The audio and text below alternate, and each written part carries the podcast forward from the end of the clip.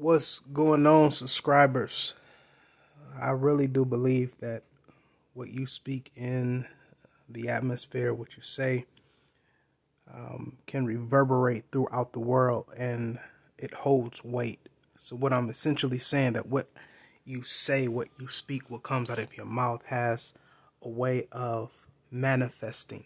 I think we can plant seeds into the atmosphere when we open up our mouths and and declare and and speak positivity. Um, I really truly believe that.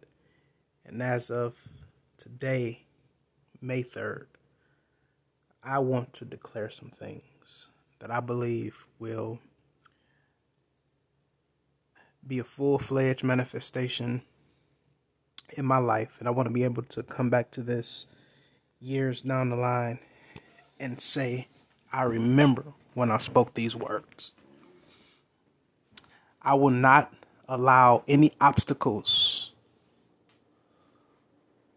in my way to stop me from where God wants me to be. I won't allow any challenges that life presents to stop me.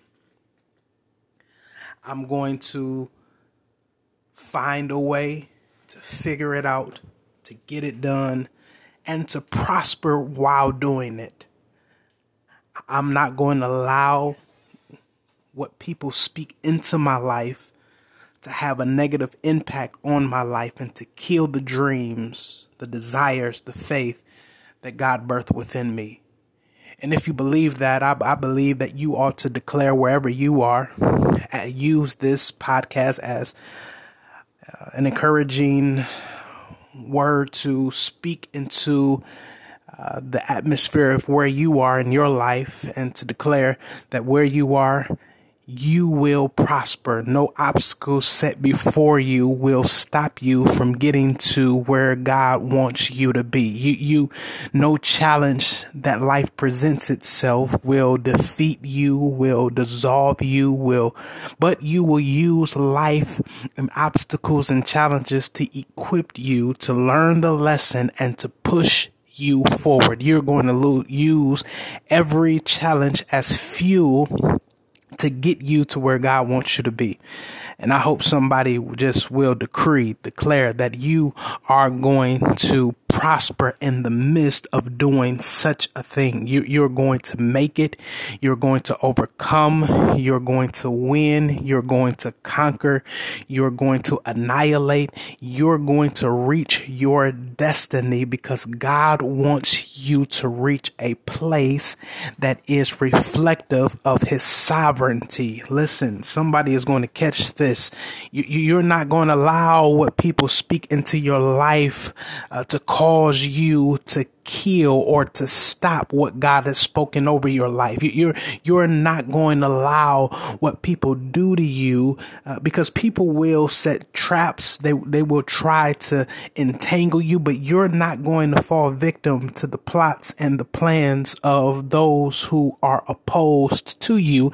But you're going to run your race at your pace, and you're going to get to the finish line according to the will of God and according to the perseverance that God placed within you. You have been given a measure of faith to do something your family has never seen. You have been given a portion of faith to do something that's going to bless your generations. You have been given a measure of faith that is going to show the world that you are chosen, that you are above, that you are light, that you are in this thing to win. I'm telling somebody you need to get that in your spirit that you're not going to let the enemy dissolve you, kill you, destroy you, steal from you, but you're going to put your feet to the pavement, square your shoulders, and you're going to make it to the, who am I talking to? Somebody need to get this that where you are now is is is is a place that is going to prepare you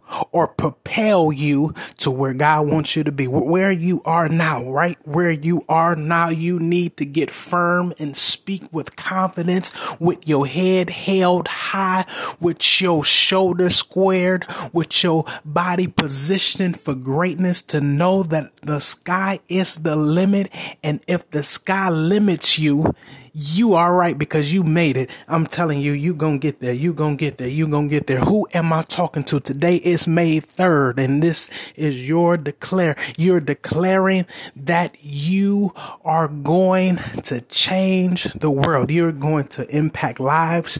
You're going to make people better. You're going to pull out of people what's on the inside of them. You're going to employ people. Who am I speaking to? You are going to do some things for some people in your life that is going to show the world how great and how unique you are.